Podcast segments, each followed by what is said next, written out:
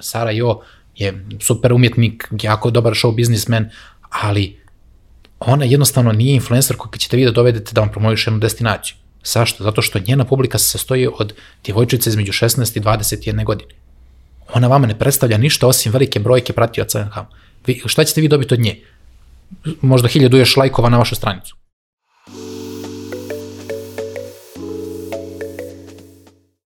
Poštovani slušaoci i gledaoci, dobrodošli u još jednu epizodu netokracijenog Office Talks uh, podcasta. Moje ime je Marko Mudrinić. Pre nego što krenemo, uh, mali podsjetnik, pretplatite se na naš YouTube kanal. Uh, svakog četvrtka izlaze nove epizode Office Talks podcasta u 10 ujutru. Takođe, možete pratiti ovaj podcast i putem audio platformi. Linkovi su dole u opisu, uh, a moj, ili da kažem bolje, naš današnji gost je ujedno i naš dogodišnji prijatelj, kolega sa Paksa, Marko Vukićević, marketing menadžer Hilton Beograd. Marko, dobrodošao.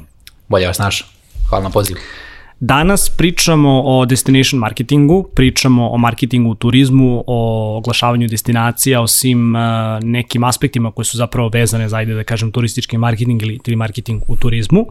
Ali evo za početak, uh, za naše slušalce i gledalce koji, koji te možda ne znaju, koji možda da kažem nisu do sada imali priliku da, da se povežu sa tobom na nekoj od poslednjih mreža, da nam kažeš malo više o sebi, a, otkud ti zapravo u marketingu, otkud ti specifično u marketingu koji se bavi a, promocijom i turističkim, da kažem, destinacijama.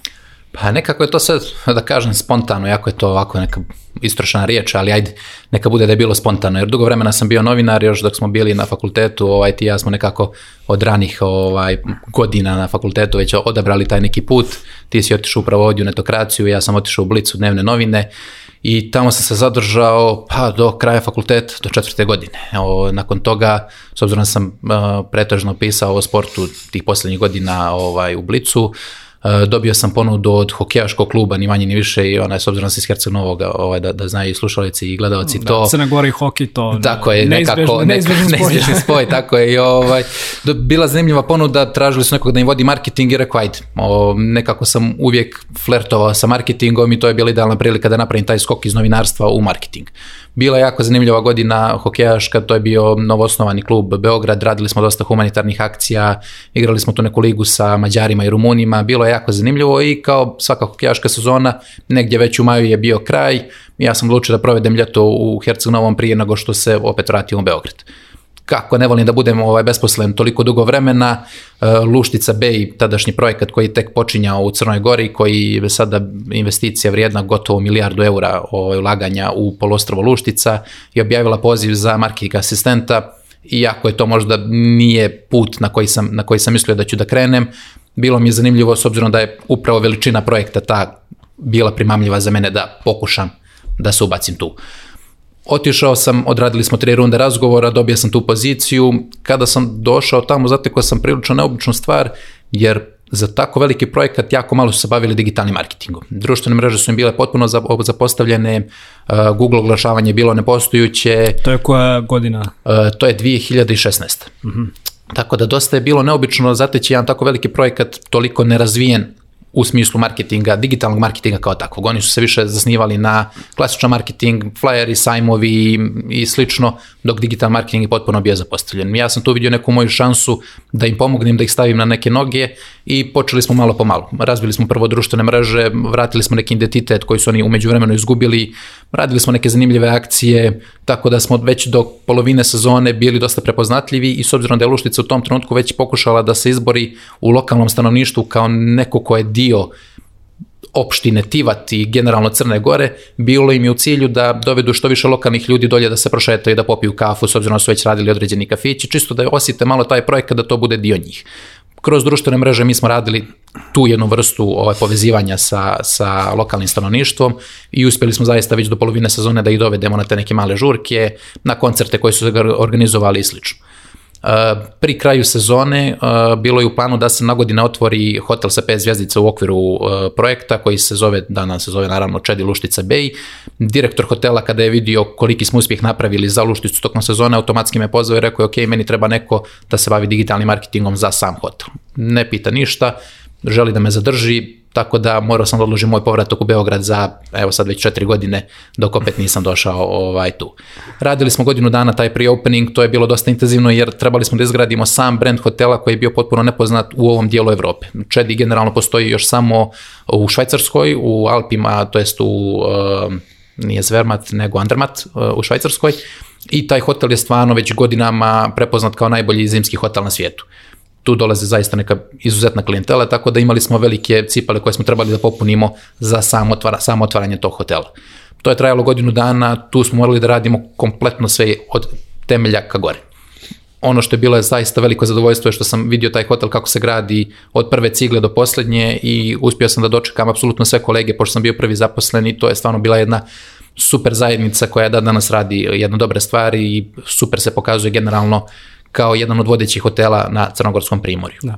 Moram da te pitam još pored toga, a, na, da kažem, ono, i, i tad zapravo, tad su se možda i najintenzivnije družili dok si ti bio dole, ovaj, u tom nekom periodu, ali posle toga iza sebe imaš zapravo dosta nekih ono velikih drugih projekata, Tako. ali takođe hteo sam da te pitam ako možeš čisto da nam, da nam daš ovaj, i, i mali uvid, pošto poslednji put kad sam bio u Crnoj Gori, to je bilo zapravo ovaj, prošlo leto, da ne kažem ono, letos, Um, vidio sam zapravo jako velik broj tih novih, um, kako bih to rekao, kao mikrosredina, novih developmenta, ne, ne, znam, ne znam prosto kako, kako, kako, kako bih to nazvao. Komuna. Komuna, da. Pa to nisu komune, ne, ne, nemaš prljave hipike, nego ali dobro, nema veze, da, da. Ali šta hoću da, da, da te pitam zapravo, ako možeš tipa da nam, da nam ono, daš nekakav kratak overview, koje su to neke uh, destinacije, ti neki top projekti koji su sada da kažem pokruti, koji su već da kažem možda negde ovaj se i uzdigli ono od, od početnih nekih ovaj ono od početnog nekog nivoa. I isto tako da nam da nam kažeš na na kojima si to još još na kojim si to da kažem to još to stvarima radio pre nego što si se što si se vratio ono danas u Beograd, te između ostalog i dalje ovaj tako u turističkom sektoru. Pa Crna Gora je stvarno već godinama prepoznata kao neka atraktivna destinacija za upliv stranih investicija. Porto Montenegro je definitivno otvorio vrata i uveo to je bila prva, već, tako, da. tako. Uh -huh. Generalno sa Porto Montenegrom je sve krenulo i ja mislim da je Porto Montenegro generalno dokaz koliko jedan projekat može da promijeni kompletnu infrastrukturu i kompletan kvalitet života jednog grada. Tivat je danas apsolutno postao jedan grad koji je neprepoznatljiv uh, u prethodnih 10 godina vi ne biste mogli da vjerujete koji je to skok napravljen od jednog mjesta, mjesta gdje nije bila autobuska stanica uopšte do mjesta... Pa da, mislim, ljudi, ljudi znaju Tivat, ono, seća se i mi kad smo letovali ja kuklinci, da. ljudi da. znaju Tivat kao ono mjesto da ideš da bi odleteo ovaj, da. ono iz Crne Gore. Znači, da. to je bio jedini grad, ja sećam, bilo je do super na milioneru, koji je jedini grad koji ima aerodroma, nema autobusku stanicu. I to je zapravo bio Tivat. I vi sad dolazite u situaciju gdje ne možete nađete kvadrat stana ispod 2500 eura u samom Tivtu a u Porto Montenegro da ne pričamo. Tako da Porto Montenegro je definitivno bio neko ko je otvorio vrata za investicije, strane investicije u Crnoj Gori i koji je napravio taj veliki skok za prepoznavanje Crne Gore kao atraktivne destinacije za ulaganje. Nakon toga došao je Dukli Gardens uh, koji se nalazi u Budvi, to je takođe jedan uh, apart hotel u kome imamo ljude koji žive preko cijele godine, imamo naravno i taj uh, dio koji se izdaje hotelski. u tako je hotelski koji izdaju apartmane. To ti je, to ti je i... kako, kako opišeš nekome ko ne zna šta je, šta je Duke Garden, kao ono, ono gde je njim u spotu. Ili tako, na, tako je. On, mislim, dosta nekih poznatih ljeta je tamo kad dođu u Budvu, obično biraju Dukli Gardens i tamo sam radio ovaj, u jednom periodu mog života, otprilike godinu dana sam proveo u Dukli Gardens gdje smo u korona godini zapravo sam otišao tamo kada je bilo najveći izazov da uh, primamiš gosta da dođu u Crnoj Gori, Crnogoru, pardon, pogotovo zato što su granice bile potpuno zatvorene. Mhm. Znači Crna Gora je 2020. potpuno zatvorila granice, mogli su samo dođu ljudi iz Europske unije i iz Albanije, ali ako imaju dokaz o vakcinaciji, PCR test i slično. Ali 2020. nije bilo ničeg, nije bilo vakcina još. Tako da, nije bilo, da, bilo je, ali neki početni nešto dio bio, čini mi se samo u Evropi. Krajem godine, mi što PCR da. si mora još da Moguće, tako, nešto da. je bilo, znam da je bilo jako komplikovano da se uđe u Crnu Goru, mi smo uspjeli da napravimo super kampanju sa jednom koleginicom koja je radila prodaju u tom trenutku, da smo napravili zapravo veći profit Dukli u 2020. godine nego što je on imao 2019. kada je 2019. bila najbolja godina za turizam u Crnoj Gori. I generalno, globalno, mislim, dosta, dosta Jeste, da, kažem, da, pričalo, da, bila jaka. o tim stvarima. Da. Mi smo uspjeli to tako što smo prepoznali zapravo uh, da je Albanija neko, jedno tržište koje je potpuno neiskorišćeno i neistraženo i koja sadrži ogroman broj visokoplatežnih ljudi koji nemaju gdje da potroše svoj novac. S obzirom da albansko primorje i dalje nije toliko razvijeno, a da zbog korone i njima bilo zatvoreno da idu bilo gdje vani, mi smo uspjeli da ih dovučemo u Crnogoru i ja iskreno vam kažem mogu da uopšte pojmim automobili koji su dolazili kod nas i parkiravali se. Od Bentleya, Rolls Royce-a, Lamborghini-a i tako dalje. To su stvarno znači, bila neka standard, standard, standard. Apsolutno. Mislim, to je bila jedna klijentela koju uopšte niste mogli da zamislite. Onaj... Je to bilo na klasičan, ono, tipa albanski turista, tipa ono, dreča da. majica Sprite da. ili da. da. Ovaj, slučaj da. se mijelo s ovih prostora. Da, da. Znači, to je ono full brand. Ovaj, da, um, ko, ko broj ljudi koji nose square majici po, po kilometru Da, da, da. to su onako ges preko cijelih ruka, zlatna kajla Prelep. i tako, sve što ide uz to. Ali, da nema šta. To su ljudi koji dođu u restoran, uopšte ne gledaju cijene, nego naruče apsolutno sve što je na meniju, zajedno sa dvije boce šampanjca i dozore.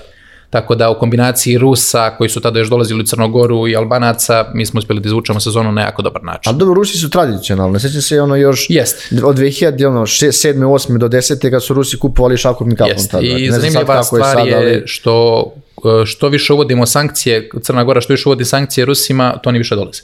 Aha, I to pa je prosto nevjerojatno. Znači, to je ja možda u stvari neka obrnuta psihologija. psihologija da. Ja se sjećam da je bilo jako dosta čak i antikampanja koji su išli na ruske na nacionalne televizije, RT je radio izuzetno jednu antikampanju protiv Crne Gore i mi smo baš te godine ono dobili jako veliki spike mm. ljudi iz Rusije koji je dolazilo bukvalno iz tog nekog ono inata koji je vjerojatno mi na onaj Da ja sam čuo da vi ovaj da vi Hipe Crne Gore Crne Gore zove kaže novi Monte Carlo. Pa I jeste i nije. Da bi bio novi Monte Carlo, dosta mora da se uloži generalno u infrastrukturu same države, pogotovo dolje na jugu. Ali, pa i to se rješava, sada postoje razni, ovaj, ne, razne neke... Ali to jesu bitne stvari kad jest, pričamo jeste, o generalnom turizmu zemalja, da. I ima, ima dosta prostora za napredak, ali o tom potom. Tivat je recimo sad već Znači taj severni deo je dosta malo jači nego dole. Tako je, mislim generalno sjeverni deo Crnoj Gori je dugo patio i bio je mm. dugo zapostavljen, tako da jeste neka logika da ok, ajde malo da uložimo na sjever zato što ljudi stvarno imaju šta da vide gore. Mi imamo sedam nacionalnih parkova, mi imamo taj mislim nacionalni park Dormitori i Lovćen koji su izuzetni tolika jezera koje treba da se vide, ali jednostavno nije dovoljno iskorišteno zato što nisu bili dovoljno dobri putevi, nije bila dovoljno dobra infrastruktura da bi ljudi otišli da bi vidjeli tako nešto. Evo, hoću da se, da se vratimo zapravo malo, malo smo skrenuli sa, sa, sa, sa teme. Pričat ćemo i o infrastrukturi zato što baš negde ono, vidim državu kao jedan bitan faktor u, u ovoj temi koj, o kojoj danas pričamo, ali ako već govorimo kao o tom destination marketingu, koji su neki počeci a, nasuprot onoga što, što vidimo danas? A, kako uopšte definišemo destination marketing? Da li su ti početci zapravo bili, da kažem, šareni posteri, nešto što se reklamiralo na ono, stubovima, na nekim velikim trgovima, pa, pa evo čak sam spomenuo u ovoj pripremi ono kao prve neke in-flight magazine, jer u tim in-flight magazinima Tako. uglavnom čitaš o, ne, o negde novim desti, destinacijama, a kako se zapravo rod, rodio ovaj, ono, marketing destinacije i kako je izgledao pre, kako on izgleda danas I je li ima neka, neka naša reč koju ljudi koriste ovdje za to? Pa generalno i ne, zato što mi nikad nismo imali destination marketing kao takav. Za nas je bilo ok, dođete u Crnu Goru kako tako što odete u ono, agenciju i kažete he, hoću da ljetujem negdje, nisam ljetovao prije i on ti kaže aha, evo moj brato strica je bio u Crnu Goru jedan put, mislim da ti dobro tamo dodeš. Mislim, generalno, Crnogorsko primjerje, primorje je cijeli neki svoj vijek važilo kao jedna atraktivna destinacija. Herceg Novi je jako dugo bio za bivšu Jugoslaviju mjesto gdje apsolutno moraš da svako ljeto. Danas kad pitate bilo koga iz Srbije, iz Beograda, ali je nekad ljetovo u Crnoj Gori ili je Budva ili Herceg Novi. Ne postoji treći grad u kome su oni išli. Pardon. Tako da, taj destinacioni marketing generalno se pojavio kao pojam, pa možda pre nekih deseta godina, kada su krenuli ljudi zapravo da gledaju na to kao nešto što je nezaobilazan dio svakih privatnih institucija koje se bave ugostiteljstvom na određenom mjestu. Dakle, kad su počeli u luksuzni hoteli da se otvaraju, ultra luksuzni hoteli, kad su počele ti projekti poput Luštice, Porto Montenegra da se otvaraju, destinacioni marketing ih je nekako pratio u stopu. Znači, jednostavno ne postoji ni jedan jak projekat, ni jedan ultra luksuzan projekat, a da ne ulaže u svoj uh, marketing, u marketing destinaciji. Ranije je to bilo dosta jednostavno u smislu kao što je ovaj Marko spomenuo, in-flight magazini, sajmovi, posteri, da, djevojke. Da, sajmovi, mislim, evo i sad smo baš imali ovaj, ono kao sajam, sajam, ovaj, sajam turizma. To je bio dosta ograničen broj ljudi koji na sami možda vidi tako nešto. Tako je, ali uh, zato su ti sajmovi bili isključivo za uh, turističke agencije koje bi otišle tamo B2B. i onda bi mm. tako i onda bi oni svojim ovaj ljudima generalno preporučivali ok, ovo su super nove destinacije koje imaju na Jugoslavija, tadašnja Jugoslavija je stvarno bila, mislim, jak igrač na svjetskoj mapi, tako da svi su imali neku, neki tip ono primamljivosti da dođu da vide šta je to u Jugoslaviji, zašto je ta Jugoslavija toliko Mislim, popularna. Mi nismo generalno sad ono kao nismo, niko od nas nije živeo u to vreme, ali kao mi smo kao tadašnja nacija bili zapravo veoma otvoreni ovaj, ka, ka svetu. Tako je. Pa jesu, po našom crnom foru imali smo onaj crveni pas, smo putovali svuda. Mislim, da, ali ljudi su dolazili ovde. Znaš, dolazili su, jeste, dosta. Tako je, mislim, i onda generalno kako se vrijeme mijenja, tako se mijenja i sam marketing, mislim, kao i za sve ostalo. Destinacioni marketing jednostavno doživio svoj boom u trenutku kada su počeli ti ultraluksuzni projekti da se pojavljuju ultraluksuzni hoteli, jer jednostavno takve e, kompanije nisu mogle da priušte sebi da ulože, ne znam, 100, 200 miliona, milijardu u jedan projekat, a da niko van Crne Gore ne zna za njega i samim tim su morali korak uz korak da uz svaku svoju marketinšku kampanju koje rade za podizanje a, svijesti o svom projektu rade i a, a, kampanje za podizanje svijesti same destinacije, znači zbog popularizaciju same destinacije. Tako da dan danas se to dešava. Ja gdje god sam radio, mi smo uporedo morali da radimo uvijek dva videa. Znači radimo jedan video konkretno, aha, predstavljamo projekat kao takav i radimo drugi video, aha, predstavljamo državu u kojoj se nalazi taj projekat. -hmm. Tako da svaku svoju marketinšku strategiju koju radite morate usko da je vežete za destinaciju na kojoj se nalazite.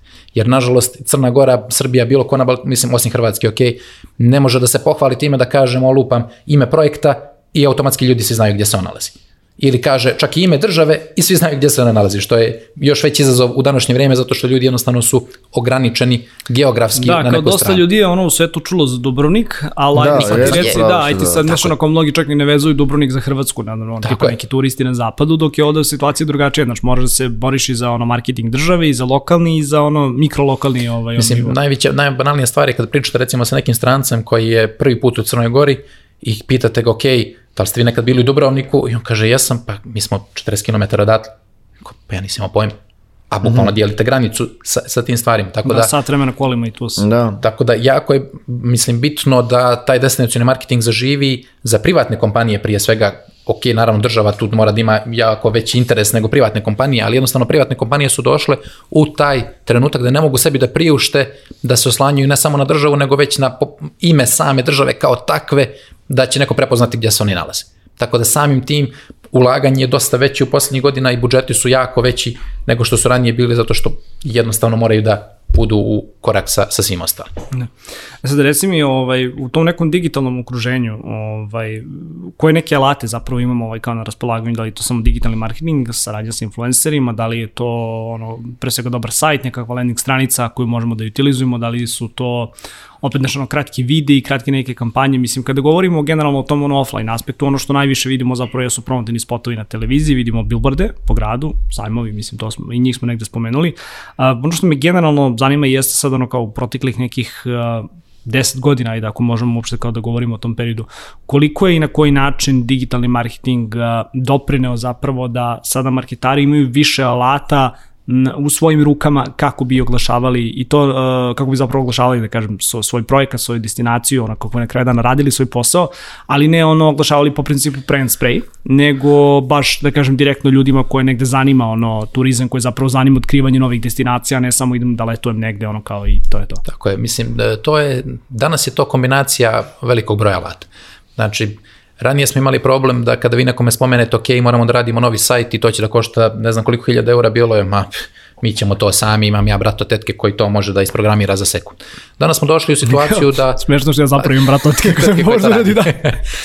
Danas smo došli u situaciju da kada neko pomene cifru od 15-20 hiljada eura za novi sajt, samo se klimne glavom i da se dalje. Znači, automatski se više ne postavlja pitanje koliko će nešto da košta ako to nešto predstavlja imidž jedne kompanije i šansu da, neko, da dobijete jednog više klijenta da dođe kod vas. Da li da kupi stan, da li da uh, ljetuje ili da uzme time sharing apartman ili slično. Digitalne mreže su apsolutno jedna jako bitna stvar za dizanje uh, brand awarenessa same kompanije. Tako da i budžeti za digitalni marketing su jako porasli u zadnjih 10 godina. Od pitanja ma Facebook je nešto gdje stavljam slike mačke do ok, Facebook stranica mora da bude tačno isplanirana i da imamo tačan uh, način na koji se obraćamo ljudima koji nas prate da bi, su, da bi oni znali šta mi promovišemo i šta želimo da oni čuju. Tako da jako veliki broj SEO je postala jedna ono nemilosrdna bitka između ko privatnih hotela, ko će biti prvi. To se, mislim, svaki dan po nekoliko puta se ulazi, gledaju se ključne riječi, gleda se uh, ROI, gleda se apsolutno sve, zato što jednostavno hoteli više ne mogu da dozvole da budu drugi jer toliko Crna Gora, mislim opet pričam o Crnoj Gori, je toliko malo tržište koje je toliko nabijeno sa luksuznim brendovima da je to jako nemilosrdno uh -huh. ko će biti prvi. Imate sam primjer, znači mi u Crnoj Gori prije 10 godina smo imali jedan hotel sa 5 zvjezdica koji je bio Splendid u Budvi, a danas imamo pa sigurno desetak.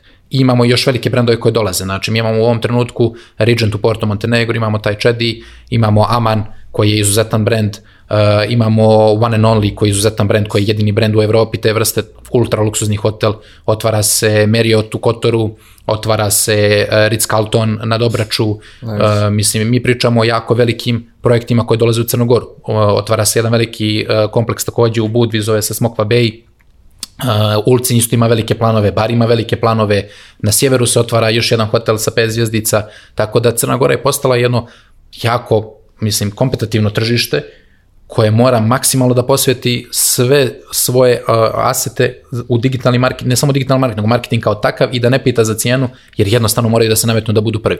Da. Jer je to država od 600.000 stanovnika, gdje vi imate toliku o, koncentraciju luksuznih brendova na jednom mjestu, mislim, imate opet prošle godine Chanel je otvorio svoju radnju u Porto Montenegro. Chanel koji jako malo, destin, jako malo gradova na svijetu ima isključivo svoju prodavnicu. Uvečno to bude da se spoji sa još dva, tri brenda pa kao svi zajedno drže. I Chanel je prepoznao Crnogoru kao idealnu destinaciju da otvori svoj brend, da čak, eto, prije ovoga rata, prije svih ovih Ukraj, Ukrajinci i Rusi su dolazili avionom u Tivat, jer im je bilo jeftinije dođu u Tivat, da odu u Chanel, nego da odu bilo gdje na svijetu, drugo da kupe taj brend.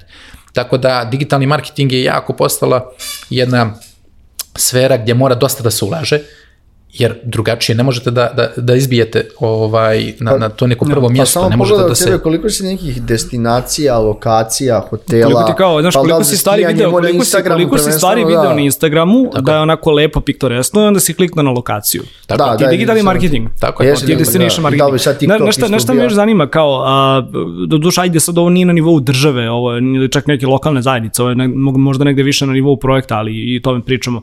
A, mislim, ljudi koji nas slušaju, ljudi koji se negde bave digitalnim marketingom, uh, znaju zapravo da postoji ta vrsta marketinga, ali ti danas uh, moraš isto tako da se boriš, kao što se boriš za poziciju na Google, moraš isto tako da se boriš na poziciji, uh, na poziciji za booking, uh, TripAdvisor, dakle i to su da kažem platforme koje opet zahtevaju od uh, samih ugostitelja, dodatno ulaganje, dodatnu okay. optimizaciju, uh, konstantno to neko ono fine tunovanje Tako svih tih nekih ono parametara kako bi uh, tvoj hotel, uh, tvoj restoran, tvoj šta god izbilo zapravo izbio da, na prvo mjesto. Da.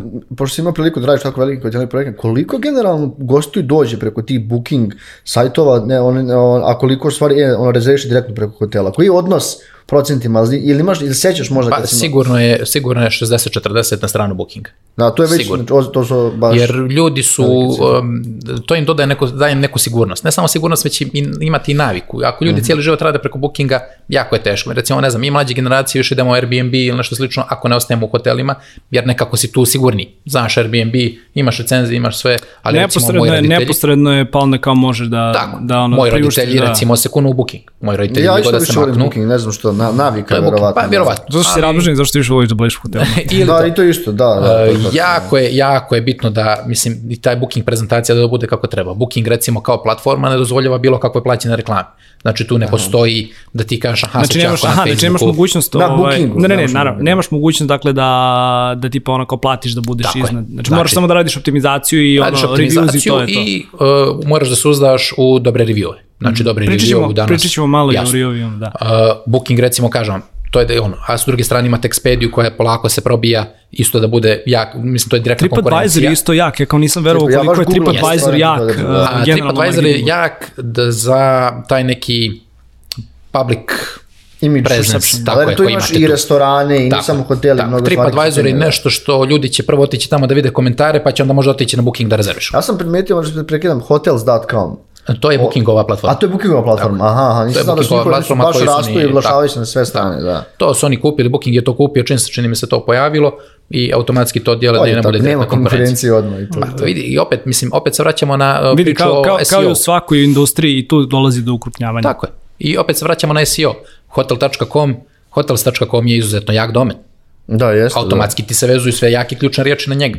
Booking nije mogo sebi da dozvoli da neko sa takvim domenom njemu uzme primat i Samo zbog automatski je imena, prepoznao, mislim, tako da. je, i automatski je prepoznao, jer taj, mislim, vi dolazite u, u jako neke mizerne stvari, imate recimo primjer montenegro.me ili montenegro.net i tako nešto, to je privatan domen. Kad se pojavio me platforma, neko je ukucao montenegro.me i kupio domen. I sad reklamira apartmane u Budi, recimo. I, mislim, imaju takvi neki problemi koji ljudi jednostavno ne prepoznaju. To je stvar destination marketinga, što morate da prepoznate i opasnosti pored stvari koje imate koje vam idu u ruku. Znači, dešava se XY puta, mi smo imali u Luštici Bay problem što je neko kupio domen uh, lušticabay.net, čini mi se, ili lušticabay. nije com, ali Mhm. Jasno, neki tako neki, da. slično. Zašto on imao svoj apartman, kupio u Luštici Bay, htio da ga izdaje van Luštice Bay, van time sharinga koji ima Luštica, čovjek kupio svoj domen i to stoji tako. I sad neko kuca Luštica Bay na Google, njemu on izađe kao opcija. Ali to je bilo klikne. dozvoljeno da kupiš Pa apartman. znaš i da- šta, pa imali smo, inače imali smo Jeste, to time sharing. Aha, jedna, šta je, jedna od nego prethodnih epizoda, baš smo, baš smo ovaj, razgovarali o tome sa, sa Peđom iz Renica, ovaj, zapravo u tim, u tim situacijama a, vlasnik brenda, to je ono, sama Luštica, ima, ima ovaj pravo da zatraži ovaj, od onoga koji je izdao domen da, da se Tako taj je. domen ono, prepusti. Regulisali smo mi da- to vremeno, ali problem je što u tom trenutku prije nego što sam ja recimo došao, prije nego što se Luštica počela baviti marketingom, jednostavno se nije obraćalo pažnju na te stvari. I onda gubiš klijent. I Pa onda da, jačina sajta je dosta bitna. Tako je. Luštica Bay sajt, kad sam ja došao, opet nije bio jako dobar. Danas oni mijenjaju na sajt na svaki godinu dana. Svi veliki brendovi skoro mijenjaju sajt na godinu dana. Jednostavno mora da ga refreshuje, mora da bude ljepše, mora nove slike, mora ne znam, nove opcije, nešto što je danas trendi mora da se ubaci kod njih. Jednostavno mora da se evoluira kako, na, kako prolazi vrijeme. Samim tim, sajt kao nešto gdje tebi ide 90% landing page-eva mora da bude prezentativan. Da, I mora da bude jednostavan za upotrebu. A, morate pitam jednu stvar, kako merimo uopšte uspeh a, tog destinacionog marketinga? Da li, da li merimo kroz, kroz samu reputaciju neke destinacije, kao sad ono Crna Gora se, ono, me, mesto Crne Gore se podiglo na nekoj ono listi kao gde, gde ono, top 10 mesta gde treba letovati ili to gledamo kroz jednostavnu brojku, broj noćenja? Uh, ja bih rekao kroz uh, popularnost jedne destinacije. Jer jednostavno jako je teško mjeriti broj noćenja kroz marketing strategije. Vi dobijete svu statistiku, znači mi možemo da pratimo od trenutka kad neko klikne na, na booking, ali ne možemo da vidimo tu završnu, završni dio kada on klikne book. Znači Nema ne postoji, ne postoji ta vrsta uh, KPI. Uh-huh. Ne postoji taj, o, taj trenutak da vi vidite ko je sa vaše kampanje direktno udario booking. Mi imamo da je došao na landing page, da je otvorio reservation stranicu, ali nemamo da je kliknuo da je bookao. Tako da samim tim jako je teško da vi sad uh, tačno ocijenite koliko novih gostiju ste vi donijeli. Ali opet s druge strane, ako vi vidite da je, ne znam ja, da, da, je, da su vaši napori zapravo stavili Crnu Goru ili stavili vaš projekat na, na neko visoko mjesto, vi znate da, aha, to je nešto što smo mi Ali dobili. svakako i na pojedinačnom nivou opet gledaš ono kao broj noćenja u, u okviru svog kompleksa koliko si imao, Tako je, to rasti iz godine u godinu, jel da? Tako je, mada to je usko opet vezano sa prodajom. Znači, vi radite rame uz rame, na velikim projektima obično sales i marketing nisu odvojene, nego obično je to jedan zajednički mm -hmm. department i onda radite rame uz rame u način da vidimo kako ćemo najbolji, na najbolji način da dovedemo što više, što više uh, gostiju. Sad, proda ima neke svoje Ciljeve. ciljeve, ima svoje taktike takođe, oni rade više sa agencijama, rade više nekih online sajmova, offline sajmova, rade sa agencijama, rade te fam tripovi, fam tripovi su u principu kada vi okupite e, najjače agencije iz određene regije, dakle želite da vam dođu gosti, da dođu u posjetu kod vas 3-4 dana, da im pokažete šta imate od ovaj, ponudi, da. tako je, od asortimana, kako je noćenje, kakve su sobe i onda na taj način dobijete primat od strane ostalih stvari uh -huh. i samim tim dobijate o, više, više klijenata. Expedia se tu pokazala generalno kao neko pored bookinga ko vam donosi najviše, zato što Expedia više radi kao neka vrsta agencije nego što je sama booking platforma. Uh -huh. Tu dobijate dosta više nekih informacija, dosta više tog nekog privatnog um, posvećivanja samom klijentu, tako da samim tim to, to ovaj, ljudi često biraju u recimo zapadnoj Evropi, oni su, oni su generalno više za Expedia nego što su za Booking. Da. Tako da ima dosta nekih stvari koji morate da radite zajedno u skladu sa prodajom, jer jednostavno ne može ni marketing sam da odredi koji su to ciljevi koji vi želite da se uradi. Znači, uvijek Mislim, je to na neki kraju dana sastanak. ono posao, posao je, ono Tako. hotela je da, da generiše prihod. Tako, jer na kraju dana, na kraju godine opet marketing sjedne zajedno sa salesom i radi budžet za sledeću godinu. Uh -huh. Nema to kao sales da kaže, aha, mi mislimo da sledeće godine će biti to i to. Ne. Sjednemo zajedno, kažemo, ok, naš cilj je da, pardon, sledeće godine uradimo, dobi, donijemo 10% više, sa ovih tržišta, sa onih tržišta, da otvorimo drugo tržište i tako dalje, tako da uvijek se mora zajednički donositi odluka, ne postoji individualnost u smislu, ha, sad će marketing da kaže, mi ćemo da ciljamo na Francusku, a vi prodajte Veliku Britaniju. A ovaj, pošto tiče baš Beograda, pošto je Beograda, kako je uopšte destinacija Beograda? Pa Beograd je jako, mislim, popularan destinacija. Beograd iz godine u godinu postaje sve popularniji. Beograd ima neki šmek koji je godinama prisutan i koga god sa strane pitate, aha, jeste nekad prostili Balkan, svi kažu ne, ali, a mislim ne kažu ne, pa pogrešno se izrazio, svi ako kažu ne, kažu Uglavnom nisam, da su ali posjetili Beograd. Čuo sam da je Beograd super. A ako jesu, došli su u Beograd. I svako ima pozitivno iskustvo iz Beograda. I svako hoće da se vrati tu. Jer m, neki su čak pričali kao, ok, Beograd je evropski New York. Jer toliko su slični kao sa mentalitetom, toliko slično ima tih nekih sadržaja koji su jednostavno nezaobilazni. Pa da, guže su prisutne konstantno, tako da baš, baš, baš smo u tom ovaj smislu napredni. A, pričat ćemo možda malo pred kraj i da li se tipa razlikuje ono kao strategija za, za jednu ono, morsku destinaciju nasuprot za, za jednu, da kažem, ono, evropsku prest, ono, jednu od evropskih prestonica, jednu evropsku metropolu, ako tako mogu da kažem. No, ono što, što sad hoću da te pitam zapravo, a, malo smo negde na početku ovaj, načeli tu, tu temu, ali samim tim destination marketingom, a, ko treba tačno da se bavi? Da li je to nešto što treba da radi turistička organizacija, dakle ministarstvo turizma ili, ili ekonomije ili drugi drugi neki sektor ovaj koji je da kažem pri vladi. A, da li je znači isključivo oni treba time da se bave, da li je to nešto što treba da finansiraju poreski obveznici ili je to da opet da kažem prosto termin u koji treba isto tako da budu uključeni privatne kompanije, ugostitelji, dakle ne samo vlasnici hotela, već i vlasnici restorana, vlasnici svih nekih turističkih destinacija a, koje da kažem posluju na na jednom takvom tržištu A, I ako možeš negde iz tog iskustva da nam kažeš, evo na primjeru Crne Gore, a, koliko je jaka ta spona između države i samih tih velikih projekata koji, koji sigurno pored velikih ulaganja, verujem da dosta ulažu u, da kažem, pored velikih ulaganja u, u samo da kažem negde infrastrukturu, u same komplekse, e, verovatno dosta ulažu i, i u sam marketing e, svih svojih ovaj, stvari, jel da? Pa ja vjerujem da bi to trebalo da bude jedna partner, jedan partnerski odnos između države i privatnih kompanija. Da to uvijek bude pa bar da bude 50-50. Jer nažalost u ovom trenutku nije. U ovom trenutku privatne kompanije vuku jako veliki dio toga, dok država nekako ili se piggybackuje na njih, ili potpuno digne ruke. Mi recimo imamo super primjer, tri najposjećenije e, države u Evropi su Francuska, Španija i Italija. Francuska na godišnjem nivou ulaže otprilike 10 milijardi eura u e, promociju, turističku promociju svoje države. Eh, ako ćemo, da ne idemo toliko daleko, Hrvatska. Hrvatska eh, na godišnjem nivou milijardu eura ulaže u svoj turizam. Crna Gora sa druge strane, Srbija nisu toliko rame uz rame sa privatnim kompanijama. Jednostavno, radi se po nekom, nekoj sistematizaciji, po ne znam čak ni kako da, ne znam ni koju pravu riječ da, da opišem na to šta se radi van, dakle, na, na našem, kao našem dijelu Balkana, znači Srbija, Crna Gora, Bosne i Hercegovine, da kažem. Crna Gora koja je BDP zavisi, preko 20% BDP je zavisi od turizma, ima jako, hajde da kažem, smiješno ulaganja u turističku promociju Crne Gore. Obično to bude na, na stranu, ha, ok, zovemo velike projekte koje imamo i kažemo, ok, mi ćemo da platimo avionsku kartu novinarima, da li vi možete da im obezbedite večer i ručak, a oni će nešto da napišu tamo o vam i nekako nema, nema inovacije, nema ništa novo da se radi. Promotivni video e, klipovi se rade jednom godišnje i to ne svake godine. Kada se urade, ne plasiraju se dobro na tržište, opet zato što nema niko da se bavi tim digitalnim marketingom na pravi način. Jednostavno kaskao kaskaju i to je sve vidljivije i vidljivije. Što više novih projekata dolazi, što više privatne kompanije ulažu u svoj marketing, toliko se vidi koliko država kaska za njima. Francuska recimo ima jedan super sistem, uh, oni imaju uh, kompletan savjet za turizam, kome presjedava premijer države, a u ko, koji u svom sastavu drži profesionalce iz uh, turizma, plus političare, plus ostale neke biznismene i svi zajedno na na tromjesečnim sastancima donose planove, ok, šta ćemo dalje da radimo da napredimo turizam u našoj državi. Vi toga nemate.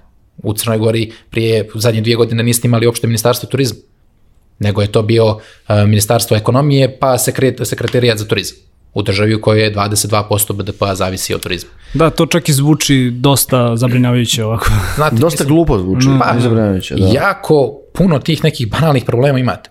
Mislim, korona godina je došla, opet, e, vi ste toliko bili zavisili od tih nekih vanjskih uh, tržišta da kada je došla korona, vi ste ostali paralizovani, niste znali na koji način da pomognete ljudima koji žive od turizma u Crnoj Gori. Tako da mora da bude Dosta partnerski, mora da bude partnerski. O, ako ako imate privatne projekte koji ulažu ne znam koliko milijardi u vašu državu i jednostavno morate da kažete ok, mi ćemo da uzmemo jedan taj dio da vam pomognemo na način da ćemo mi da promovišemo destinaciju.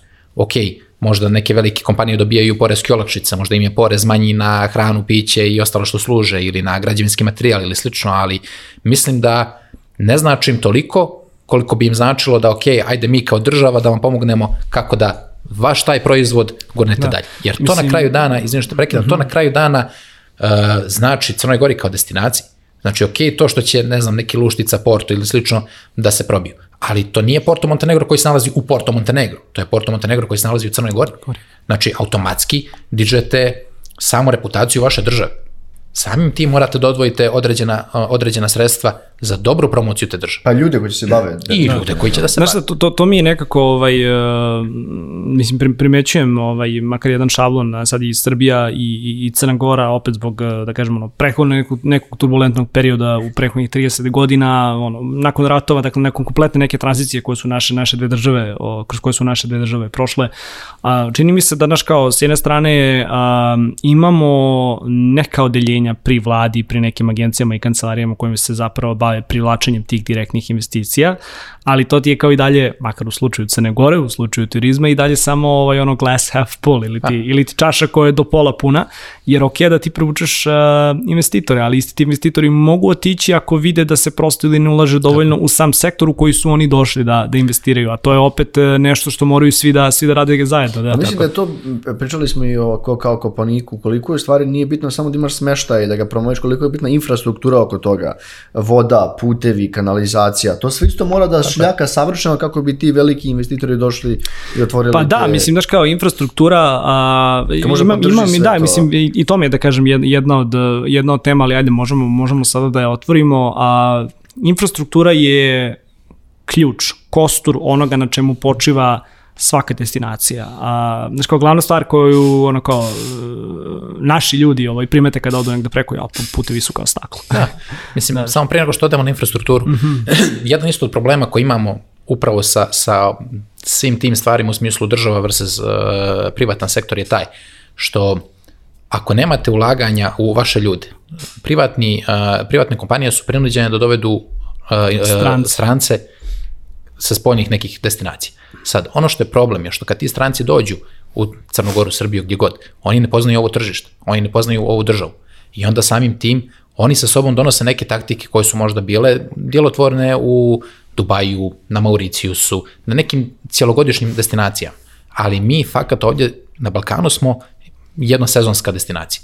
Da li je to zimski ili ljetnja, zavisi od države u kojoj se nalazimo, ali realan faktor je da smo mi jednosezonska destinacija. Prvenstveno zato što ne želimo da budemo dvosezonska, jer je to opet no, jako puško, teško da. za sve nas, iako imamo potencijala za to, i jedni i drugi. I onda opet mi dođemo u situaciju da ne, recimo ja sam radio sa jako velikim brojem stranaca koji su meni rekli, e, ajde radimo ovako, ovo nam je super prošlo u Dubaju. I ja sad dođem u neki klinč sa njim i kažem, pa znate, ali ovo nije Dubaj, ovo je Crna Gora. Vi ovdje imate sezonu tri mjeseca. Ili kažem, ha, ovo je Srbija. Ovdje stvari ne rade baš na taj način. I on kao, ne, ne, ne, nama je to radilo u Dubaju, 100% će da radi ovdje. I on uopšte ne razumije profil ljudi koji dolazi da posjeti državu. Uopšte ne razumije profil ljudi uh, koji, kako troši, na koji način, kako gleda na određene stvari i mi dođemo u situaciju da prođe taj neki trial period njegov od šest mjeseci, pošto on, oni obično potpisuju ugovore na šest mjeseci za neke astronomske da, cifre. Da, nisu, nisu ništa uradili, Tako. nemaju nikakav ono KPI da pokažu Uzmu da su ogromne, ogromne novce, oni odu dalje na neku destinaciju, a ti ostaneš tu sam sa vrućim, koga sa niko vrućim, nije htio, sa vrućim krompirom. Koga niko ovaj, nije htio da sluša, da. znaš, kad, kad si ti predložio to nešto što bi moglo da pomogne, oni su rekli, ma ne znaš, ti zna, ono, on je došao iz Dubaja, i jednostavno ti ostaneš to sa vrućim krompirom u rukama i šta ćemo sad? I nemaš kome da ga baciš. I kao da. ništa, drži, stisni i uh, idemo dalje. Kad pričamo sad negde od greš, o greškama, doći ćemo i do ovog primjera zbog koje sam te zapravo, zbog koje sam te negde i pozvao ovaj, da, da, da, da razgovaraš danas sa, sa nama u podcastu, ali koje su tipa neke najčešće greške koje se, ko, ko, koje se prave, evo sad, su, sad smo istakli, istakli jednu, da li imamo možda još neke onako pattern, možda tipa top 3 ono gluposti koje uglavnom ono vidiš, vidiš u, u tvom poslu? Imamo, znači, jedan od koji je, koji je najčešći, a meni potpuno nevjerovatan, je to gubljenje identiteta svoga brenda. Znači, dešava se i uprkos stvarima uh, uprkos tome što postoje veliki brendovi u Crnoj Gori, dešava se situacija da ljudi jednostavno kažu, aha, naš brand book je takav kakav je, ali nama se sviđa i ona plava slova što koristi onaj tamo brand. Aj mi da ga uzmemo ovamo. I onda vidite jedan put kao, ha, ide, ne znam, reklama za Dukli Gardens, ide iza reklama za Niki Beach, vidite nešto oni to potpuno isto, a potpuno dva različita projekta. I onda jednostavno ljudi nemaju uopšte svijest o tome koliko brand identitet utiče na samu popularnost jednog brenda. Vi tačno znate sada u Crnoj Gori kad vidite neki uh, billboard po bojama, uopšte morate da čitate šta njemu po bojama, znate koji je brend u pitanju. Da, treba Ali- da imaš neke stvari koje je. asoci, a, ono, koje ćete asocirati na, na Jednostavno, na brand. zato postoji brand book, da ljudi uopšte ne moraju više da misle šta će da piše na billboardu da znaju da je, ne billboardu, nego na bilo kojoj reklami, da li je digitalna ili offline, da kada vide određeni pattern boja, jednostavno znaju, aha, to je taj brand. Vi dolazite u situaciju, ovo ja mislim, ne želim da imenujem brand za koji sam radio, ali ja sam bukvalno morao jedno tri mjeseca da povlačim sve stvari koji su oni radili dok ja nisam došao. Zašto? Zato što su oni koristili uh, brand boje i, i brand identitet od drugog brenda. Zašto? Ja kad sam pitao direktora tog projekta, zašto? Pa nama se ne sviđa ova naša slova, njihova su ljepša. Ja rekao, ali znam, ali ne možete da koristite, mislim, nije, nije to poente. I on kao, aha, pa dobro, kao, ne vidim problem. I onda jednostavno dođete u situaciju da nadređenim ljudima morate da objašnjavate zašto neke stvari nisu dobre ovaj po njih. Druga stvar je potpuno promašivanje uh, publike koje predstavljate svoj proizvod, svoj proizvod, svoju uslugu. Znači dođete u situaciju da uh, naplaćujete espresso 4,5 eura i onda vam dođe neki čovjek u Japanke bez majice u šorcu i onda se šokira kad vidi cijenu. Zašto? Zato što njemu, njemu direktno je uh, bila dirigovana poruka dođe da popiješ najbolju kafu kod nas. Šta on zna gdje se nalazi ta kafa? Što on zna da li treba da nosi majicu, ne nosi majicu ili ne znam nija šta. Jednostavno, potpuno mislim, e, potpuna dezinformacija, potpuno, potpuno pogrešno e, targetovanje ljudi koji su vam potrebni. I onda opet imate copy-paste reklame od drugih brendova, koje se isto dešavaju jako puno. Jedan dan će jedan brend uradi video sa 200 modela, sutra dan će drugi da me razove, e, vidio sam to onom videu od naše konkurencije, ajde da snimiš video za nas. Ali dobro, to nije, to se često kod nas. Znaš, ono forum kad je, u nekim manjim mestima ja otvorim perionicu, ja E, ali otvorim to ti, ali to ti, ali to ti, ali to ti Da, samo ali- govori ovaj, o nezrelosti tržišta. Iste stvari se dešavaju i kod nas. Ali ti imaš situaciju da imaš uh, sad dvije reklame, jedna za drugom koje ti idu, isti čovjek je akter obje reklame. Dobro, to je već, to je već druga stvar. Ti uzimaš bukvalno, uzimaš iste ljude, isti, Tako je. istu Ista je scena, isto, samo što da. se scena uh, snima u jednom projektu pa se drugi dan snima u drugom. Ali potpuno ista scena. Skaču u bazen, žena stoji, piju koktel, djeca trčkaraju bezbrižno. I šta smo radili? Ništa.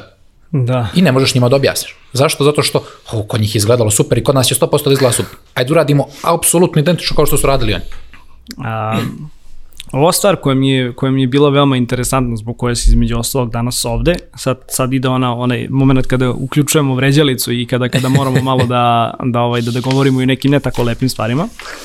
A, to je, ako se ne varam, bila kampanja ili akcija koju je radila turistička organizacija Crne Gore, a, gde su za sada ovu prestojeću sezonu a, doveli određeni broj a, influencerki iz Srbije, I to si, da kažem, baš objavio negde na, na svom LinkedIn profilu, a svakako za naše slušalce i gledalce gledat ću da, da linkujem tvoj profil pa da mogu ljudi i tamo da te, da te nađu, ali zapravo šta je bio, da ne kažem skandal, možda i skandal malo preterano ovaj, gruba reč, ali jedna od uh, devojki koja je, da kažem, dole bila kao gost zapravo ovaj, uh, Crne Gore, ako tako mogu da se izrazim, i objavila story sa plaže, sa poprilično malo glupom porukom, tipa plaže su kao da niste u Crnoj Kao da Gori, niste u Crnoj Gori, da. ovaj, gde se kao naravno postaje pitanje, ok, da li a, da li iko gleda, da li iko monitoringuje takve, takve poruke sa strane ljudi koji su ih ono, da kažem, unajmili za, za takvu kampanju. A, ali opet s druge strane postavlja se i pitanje, pa dobro, ali kao ako, e, znaš kao Srbi i Crna Gora, to su nerazdvojni, znaš, prosto nerazdvojni pojmovi, kao svi koji žele da letaju u Crnoj Gori će letovati u Crnoj Gori, ne trebaš im ti sada kao tu mnogo ono, ne, nekih stvari servirati, te pitanje koje se zapravo postavlja jeste i zašto turistička organizacija Crne Gore troši kapital, novac, da prosto reklamira ovaj, na taj način a, Crnu Goru, kada kao većina ljudi u Srbiji prosto zna šta je to što Crna Gora ima da ponudi 2022. godine. Pa malo ajde da nam, da nam pričaš o tom, tom nekom viđenju kompletne te situacije, a, šta je tu urađeno, kakve su bile negde reakcije opet na, na, na, na tvoj post, da li je, da li je bio neki backlash nakon, nakon toga, kako je, kako je turistička organizacija Crne Gore reagovala? Pa iskreno mislim da uopšte nije ni reagovala, ovaj, ali to je, to je taj ovaj sistem kornjače. Kao kad nešto ne valja mi samo zavučemo u oklop i pusti I da prođe. se blesavi, Tako, da. pusti da prođe. Ja zaista ne krivim tu djevojku, ona je definitivno to uradila iz najbolje moguće namjere, nema tu govora sada da je ona htjela nečim da uvredi nekoga ili bilo šta slično. Jednostavno napisala je to što je prvo palo na pamet i to je sasvim okej.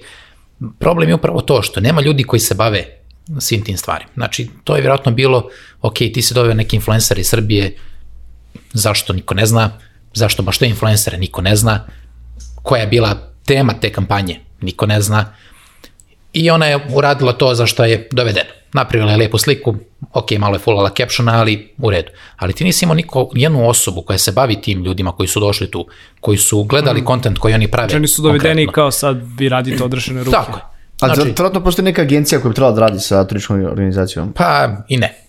To se sve radi u okviru same kao, s, jedne organizacije, strane, da. s jedne strane, da, naravno da želiš da ljudima ono pružiš mogućnost da imaju ono slobodu da kreiraju kontent, ali opet, znaš, ono kao verovatno, opet sa strane nekoga koji dovodi ćeš im Tako je. ponuditi neke informacije. Mislim, opet vi, evo, mislim, koje gospodarstvo da radi sa bilo kime, nikome nećete reći, ma, radi ti što hoćeš. Uvijek mora neko da drži Odobri, oko da. na njih. A uvek pazi, koliko god ono, svi u marketingu govori da neke stvari moraju da izgledaju neposredne i neke zaista jesu neposredne, uvek postoji nekakav layer odobrenja, uvek postoji Tako nekakav layer kontrole nekog narativa koji ti želiš da, da, da, da, da ostvaruješ sa, sa takvom kampanjom. Sad opet se vraćamo na situaciju da jednostavno taj destination marketing se ne shvata ozbiljno. I ne shvata se ozbiljno zbog tih stvari, jer da se shvata ozbiljno, nikad ne bismo došli u ovu situaciju. Znači, mi smo došli u ovu situaciju isključivo zato što niko se nije bavio tim djevojkama koje su došli. Oni su došli, oni su rekli, aha, to vam je tu ta neka plaža, uživajte, pijte koktele, radite što ćete, mi ćemo vamo iza isto da popijemo kafu na račun tog projekta koji vas, koji vas je ugostio taj dan. I ona izbacila sliku, to niko nije pogledao. Mislim, ja sam taj story je viđen 21 sat nakon što je od 24 sata koliko traje, tek na 21 sat neko primijetio, aha, Je li story ili post bio? Story. Aha, sorry. pa dobro, I dobro. kao, ja vidite nešto se desilo. Mislim, dobro, naravno, to posle 24 sata nestane, nije u tome stvar. Stvar je samo u tome, naravno, što niko se ne bavi tim ljudima. Moramo da se bavimo ljudima koji, ja ne kažem da sad ti njih provjeravaš, aha, prije nego što oni postave, šta si postavio da vidim kadar ovo. Ok, postavi ti šta hoćeš, ali mora neko da ide iza njih, aha, pozvao sam 10 ljudi, znači pratim tih 10 profila i klikćem na apsolutno svaku stvar koju su oni postavili. Da mogu u istog trenutka kada vidim da postavi, kažem, aha, ok, ajde, molim te samo izmijeni ovaj caption. I nije nikakav problem. I ne bismo došli u ovu situaciju. Ali ono što je mene, mislim, nije me toliko iz, iziritiralo koliko, ja ne znam, razočaralo me, stvarno me razočaralo, jer toliko ljepota postoji, toliko dobrih stvari može da se uradi, a ti kiksaš na najosnovnije. Znaš šta, mi- mi- mislim da je tu malo i, i, problem opet kao koliko god su Srbija i Crna Gora bliske i kao svi smo kao oni klinci i tinejdžeri i kasnije ono, mislim i dan danas kao let, let, letujemo u Crnoj Gori.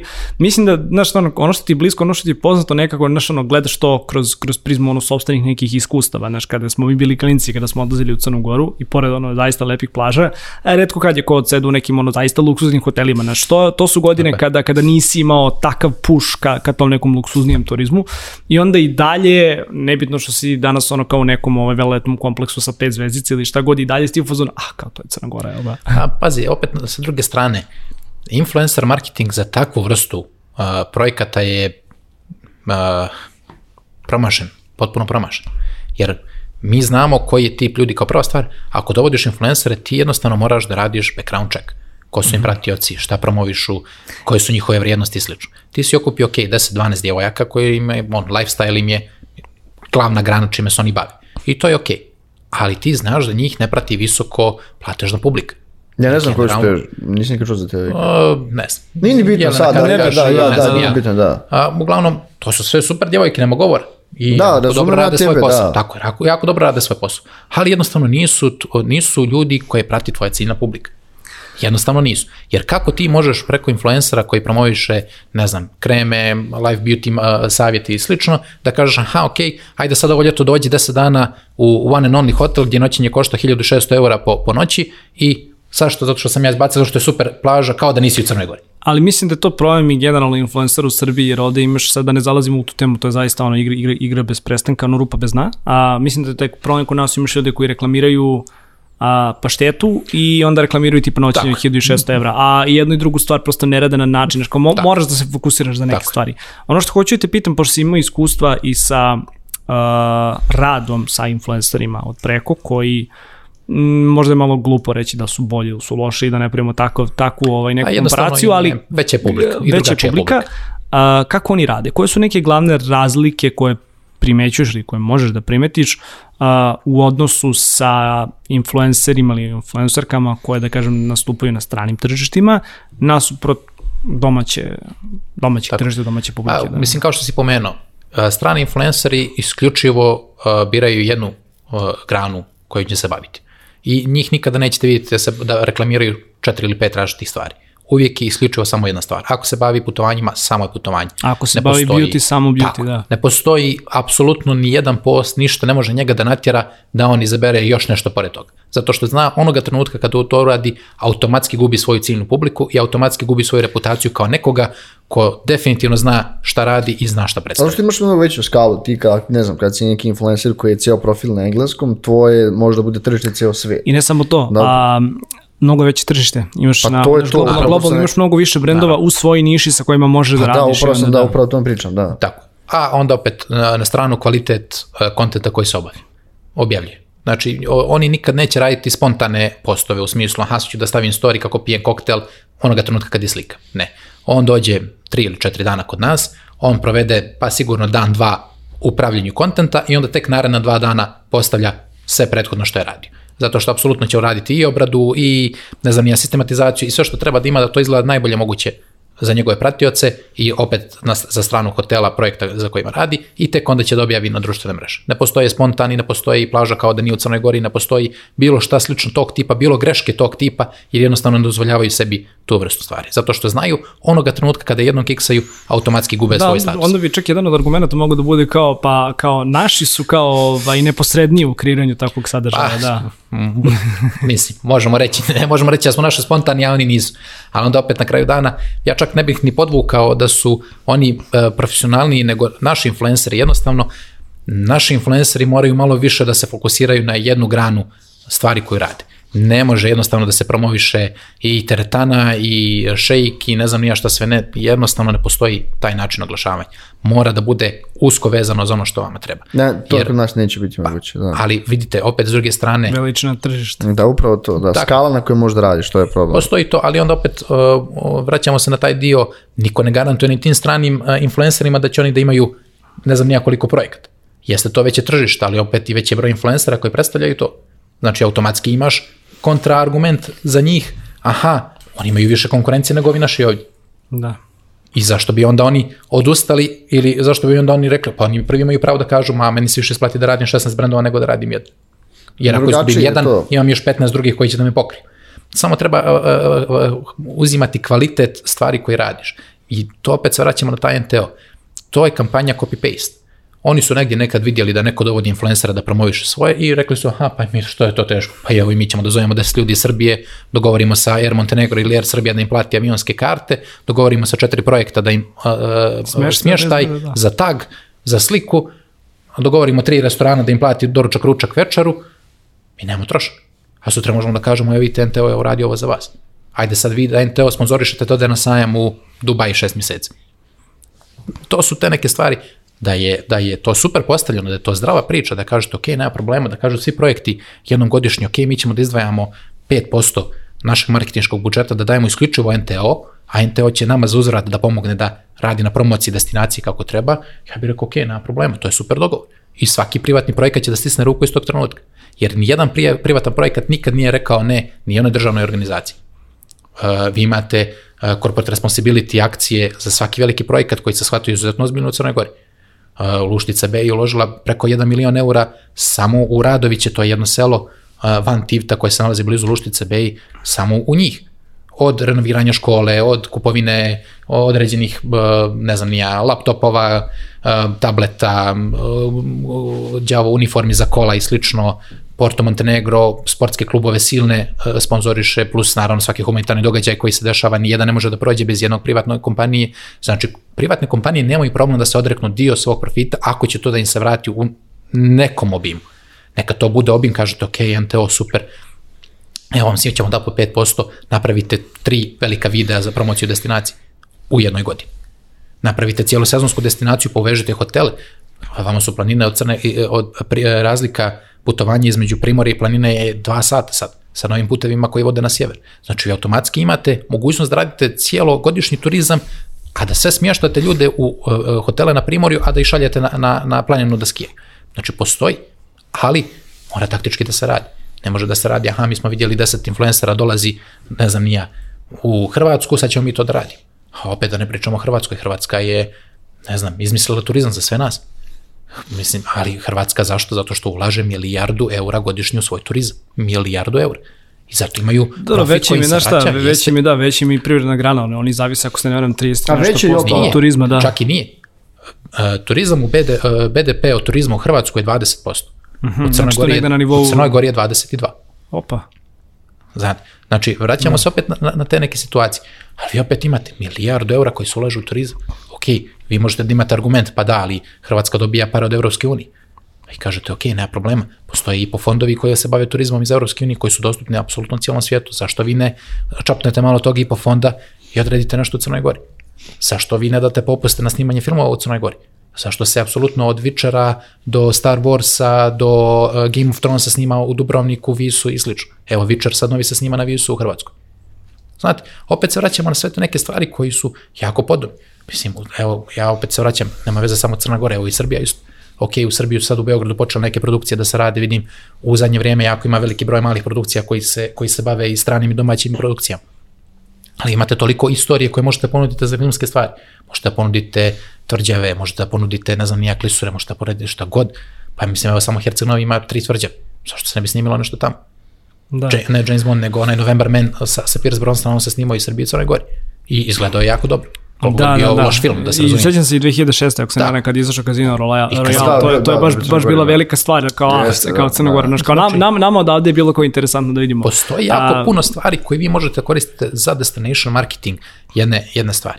Ali mora da bude jača korelacija između države i privatnih projekata. Da. Ne može se dozvoliti da privatan projekat nosi 90% I ne bazira se opet sa ovim stvarima koje, koje si rekao, kao ne bazira se sve na kraju dana ni samo na turističku industriju, bazira se i na druge neke industrije. U Srbiji je možda da kažem privreda za neke stvari jača, ali evo spomenuo si filmsku industriju što ono kao dolazi iz industrije zabave. Interesantna stvar šta može se radi, mislim kao igrom, igrom slučaja, ovo to, to je nešto što svi znamo, ali za, ono, igre prestola su napravile neverovatan bum u Hrvatskoj Mislim, ta serija, Jeste, koliko sad jeste. već ima 10 i kusur godina da se ona emitovala pr prvi put. Pa ima A možda i prva više, sezona je možda bila čak 2010. možda i ranije, da. Mislim, znaš kao, broj ljudi koji je došao da vidi King's Landing, to je tvrđavu u Dubrovniku, je neverovatno velik. Da, oni su čak morali da imate- zabrane nešto Tako posete, je, vi jer imate koliko je znači bilo i, nenormalno i ljudi kontraefekat, zato što, mislim, to su stari gradovi, to su gradovi iz ne znam kog vijeka, oni ne mogu da podnesu toliku Frekvenciju toliki, ljudi. frekvenciju ljudi Da, koji da, prolaze.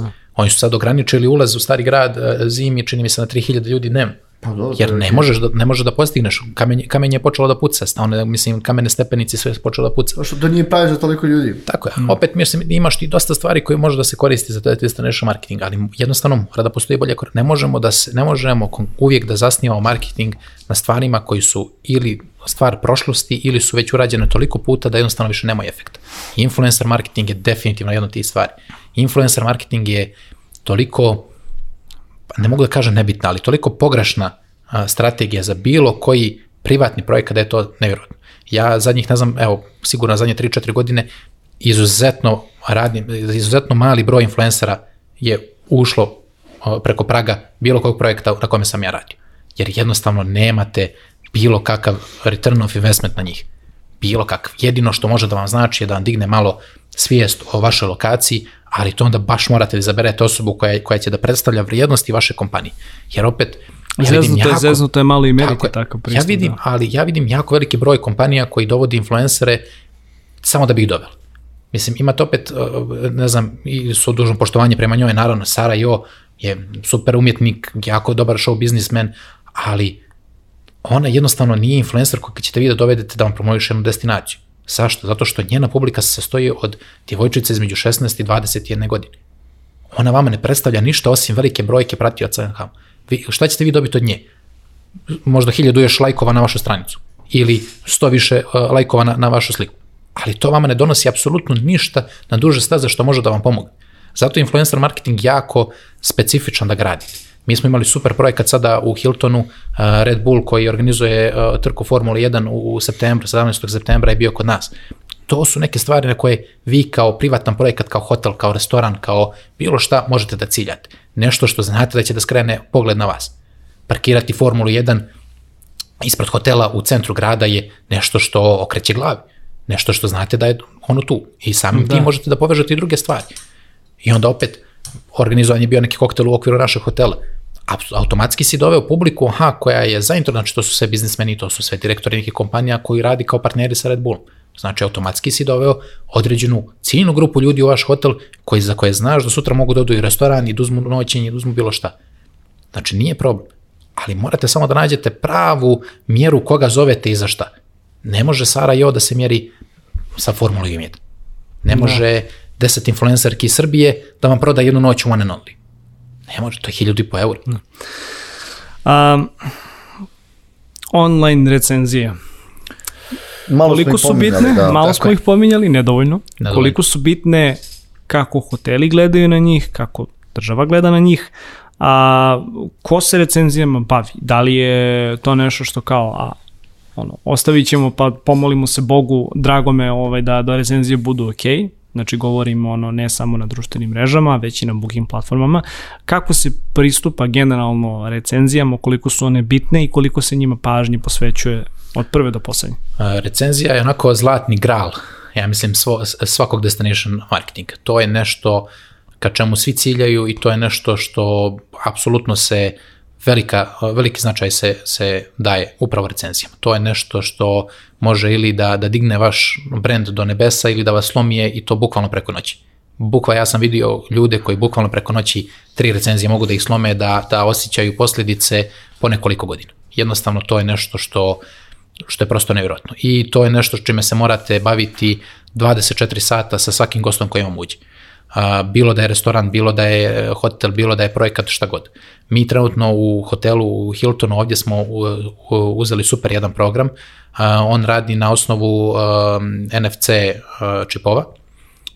Kada gost hoće da se check-outuje, ljudi sa recepcije ga pitali bilo sve ok, da li smo nešto promašili, da li možemo još nešto da vam pomognemo, ako je on bio zadovoljan, vadi se ta kartica i dovoljno samo da se uh, udari po telefonu, njemu automatski se otvara uh, četiri opcije, TripAdvisor, Booking, Facebook, Instagram, on klikne ili ostavlja review ili nam ostavlja like.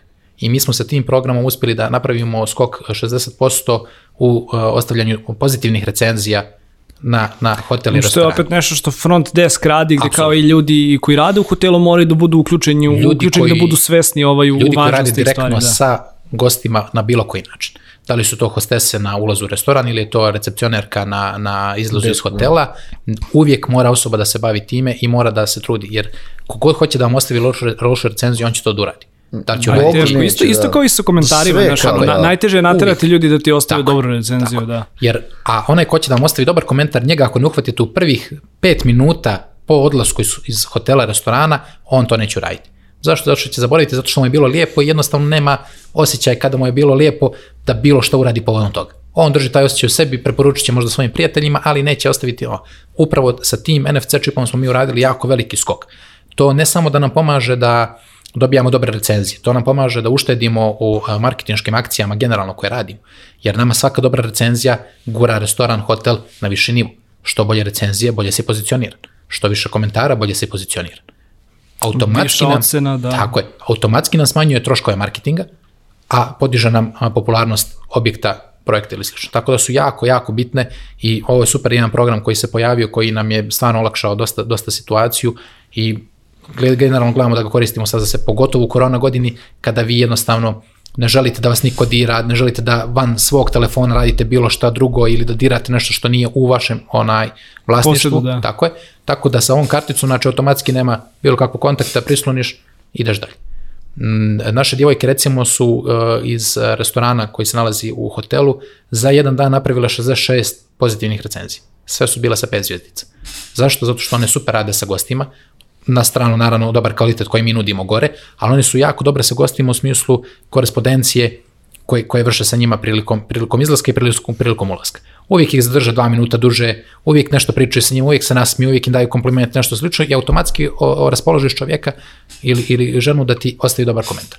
I onda imaš automatski alat sa kojim možeš da mu, da, koji možeš da mu daš na licu mjesta, koji mu traje 1,5 sekunda da ostavi dobar komentar i ti završavaš cijelu priču sa njim. Tako da recenzije su izuzetno bitne i jednostavno, kao što sam rekao, to može ili da vas slomi ili da vas digne u zvijezdu. U ovom trenutku mislim da je možda čak i, i da su da su vam one bitnije nego određeni marketinški alati kojima se bavite za dalje. Po, evo opet da se vratimo na sam, sam SEO, jer opet pozitivna recenzija će vam dati, ok, ako ne možete vi već vaš hotel, vaš domen da dignete na neko, Booking će to uraditi za vas. Recimo kad se radi SEO, jako je teško da vi uh, Booking preskočite. Jako, jako teško. Zašto? Zato što Booking drži apsolutno sve ključe, ključne reči jako dugo vremena i nema pomjeranja. Da, vi u najboljem domena. slučaju, u najboljem slučaju možete da budete tik ispod njega. Nikad nećete biti iza njega. To je skroz ok da budeš ispod I Bookinga. jest, Da. i jest, ali kad je već on iznad tebe, zašto ne bi ti pisalo pet zvijezdica ispod njega? Recenzije. Samim tim ti igraš na to da ti to bude najbolje, najbolje moguća recenzija, jer automatski ljudi će vidjeti da to je nešto što valja. Da. A za kraj, evo, gledam kao koliko nam još vremena ostalo, a manje više neke stvari smo koje imamo pripremi smo prešli, ali um, šta je budućnost destination marketinga? Ja sam baš juče ovaj kao razmišljao, ok, da li je to a, oglašavanje putem nekih novih kanala na digitalnom ovaj, marketingu koji su već manje više viđeni no što može da postojiš na Instagram, može da postojiš i na TikTok. A da li je to možda metaverse, o tome se dosta priča, gde u nekom virtualnom okruženju ovaj, ti promovišeš ili se trudiš da promovišeš a, nekako destinaciju. Kako ti prosto vidiš budućnost ove, ove profesije? Pa definitivno jeste. Mislim da Metaverse može jako puno da ponudi ugostiteljskoj, uh, generalno ugostiteljskoj industriji kao takvoj, da li na kojoj god destinaciji se nalazila, jer jednostavno imaš došto više slobode. I sad generalno bilo kakav destination marketing zavisi isključivo od maštovitosti osobe koja radi marketing, jer postoji jako puno zanimljivih stvari koje ti možeš da uradiš da je promovisao jednu destinaciju. Sad, za šta ćeš se ti odlučiti, to je druga stvar. Ja sam vidio hotele koji imaju jako lijepu ovaj, uh, zonu pratioca na TikToku. Zašto? Zato što imaju neke humoristične stvari. Sad opet, da li je TikTok možda idealna stvar za tebe? Jeste ako dižeš brand awareness, nije ako tražiš goste. Tako da mislim da Metaverse može da ti, da ti da Zavisi opet i kakav si hotel. Ne? Jeste, ako si neki fan turistički Tako ili a, slično, tebi mislim, to postoji dobro. naravno i takvi brendovi koji su ono isključivo za mlade, koji nisu toliko skupi, koji da ti daju određene sadržaje koji su ti super. Onda opet s druge strane možda i ti familijarni hoteli mogu da ti ponude super nešto preko TikToka da bi ti doveo cijelu tvoju porodicu tamo, ali vidiš da imaš nešto za svoje klince što možda ih ostaviš i da ne misliš. Tako da postoji tu naravno dosta nekih, ali mislim da Metaverse može da ti da jako jedan veliki spektar stvari koje možeš da radiš od uh, digitalnog hotela kao takvog, od te Čak prilika za zaradu. Tako je. Od te virtualne neke ture koja se nalazi u okviru njega, pa sa sve nekim, ne znam, butlerom koji bi te dočekao ili slično koji bi ti pričao malo o hotelu dok se ti u svemu tu, pa da te kupi na te neke stvari, pa ja mislim da su, stvarno su ono, neograničene mogućnosti koje, koje mogu da se rade. Ali onda opet, sa druge strane, ne smije nikako da se zapostavi ni tradicionalne stvari. Znači, ne smije da se zapostavi ni taj čak ni offline marketing u tolikom, jer koliko god digitalni marketing uzima primat i on je sigurno 80% već uzeo primat, nikad ne treba se zaboraviti na tih 20%. Jer tih 20% su obično ultra uh, visoko platežni gosti koji su i dalje ta, ta boomer uh, generacija koja jednostavno odbija bilo šta. Ali zato dobija svoje informacije iz tih nekih uh, specijalnih magazina, određenih medija, odakle oni vuku svoje informacije, tako da, mislim, mi smo, uh, ja sam uh, imao priliku dugo s tim i Forbes, uh, i Times, i uh, Washington Post, i opet tačno se vidi skok nakon što izađu a, a, članci u takvim medijima, naspram a, a, skok na, kad, kada radiš nešto na digitalni marketing.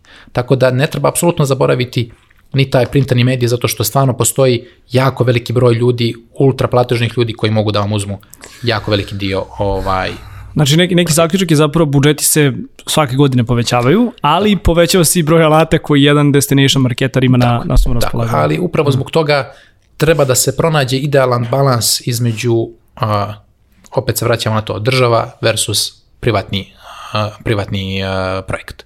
Znači, ako, ako ti kao privatan projekt možda kažeš, ok, država će da mi pokrije ovaj dio o kome ja ne moram da razmišljam, ja ću da guram ovo. I mi imamo super partnerstvo zato što sam siguran da a, njihovi alati će da rade. E sad, opet se vraćamo na situaciju da a, sve veći veći broj privatnih projekata dolazi i kako će se naći mjesto za sve njih.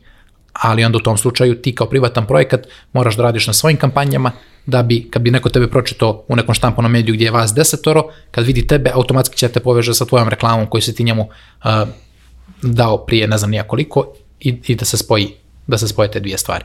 Tako da definitivno mora konstantno da postoji partnerstvo između različitih strana da bi to djelovalo na najbolji mogući način. Naravno, opet, niko ne živi u savršenom svijetu gdje znamo da će sve da bude pod, pod taman, tako da mora da se radi, mora da se trudi, mora da se konstantno ulaže u nove stvari i ne smije da se zakida na budžetu, što je uvijek ovaj, izazov s obzirom da marketing uvijek prvi ispašta, uvijek kaže ok, prodaja je ovaj, otac, on zarađuje, a, a marketing je majka, ona troši. Tako da ovaj, treba vidjeti da se napravi neki balans između ta dva, pa koliko bude moglo. Da. Ili imaš nešto da... Ne, mislim da smo pokrali dosta stvari koje smo htjeli da pričamo. Super epizoda. Marko, hvala ti puno što si bio naš uh, gost. Uh, svakako ovaj, ono, i nastavljamo i da sarađujemo, nastavljamo da, da negde pratimo sve ovaj, šta radiš i, i generalno zanimljiva tema, pa se nadam da će možda i, i, i nekad u budućnosti biti prilike da možda malo dublje zađemo u neke, u, ne, u neke stvari koje smo danas otvorili. Hvala ti puno još jednom što si, što si bio naš, naš današnji gost. A poštovni slušalci i gledalci, naravno poslednik za kraj, pretplatite se na naš YouTube kanal kanal, a svako četvrtka izlazi nova epizoda, kliknite naravno i, zvon, i na zvonce kako biste dobili obaveštenje o, o, o epizodi kad izađe. Takođe Office Talks podcast možete pratiti i putem audio, audio platformi, a, linkovi su dole u opisu. A, toliko od nas u današnjoj epizodi, vidimo se naredne nedelje. Ćao!